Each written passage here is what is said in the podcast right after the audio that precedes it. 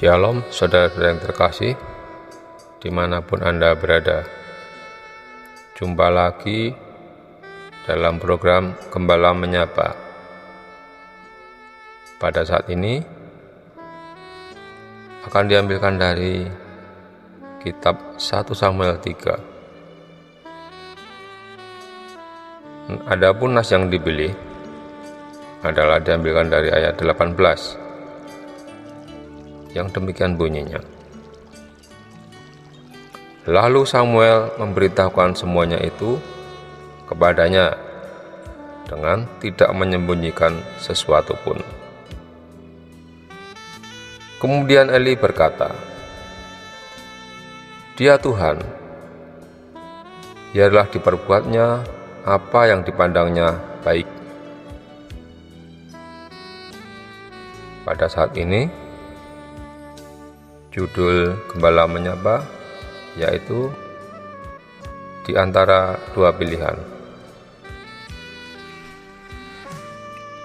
Saudara-saudara yang terkasih, kecenderungan manusia adalah segan menyampaikan secara langsung mengenai segala sesuatu yang buruk tentang lawan bicaranya.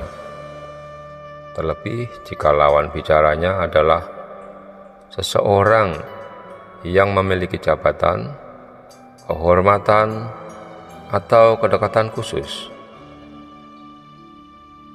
Jika terpaksa harus disampaikan, pastilah diusahakan dengan sedemikian rupa supaya tidak terlalu menyakiti hati. Inilah juga yang dirasakan Samuel setelah Tuhan berbicara kepadanya. Samuel diperhadapkan pada situasi yang sulit saat harus menjawab pertanyaan Imam Eli tentang pesan yang disampaikan Tuhan kepadanya. Samuel segan harus menyampaikan berita penghukuman dari Tuhan bagi keluarga Eli. Bagaimana mungkin ia memiliki keberanian menyampaikan kabar buruk kepada orang yang merupakan bapak dan mentor rohaninya. Apalagi Samuel adalah seorang anak yang masih muda. Ia baru mengalami panggilan Allah untuk pertama kali. Bahkan yang memberitahunya bahwa Allah lah yang memanggilnya adalah Imam Eli. Tetapi pada akhirnya Samuel memilih untuk mengatakan yang jujur dari Tuhan. Saudara yang terkasih, tidak sedikit orang yang memilih untuk berbohong demi menjaga hati lawan bicaranya. Mereka menganggap tidak ada salahnya berbohong demi kebaikan.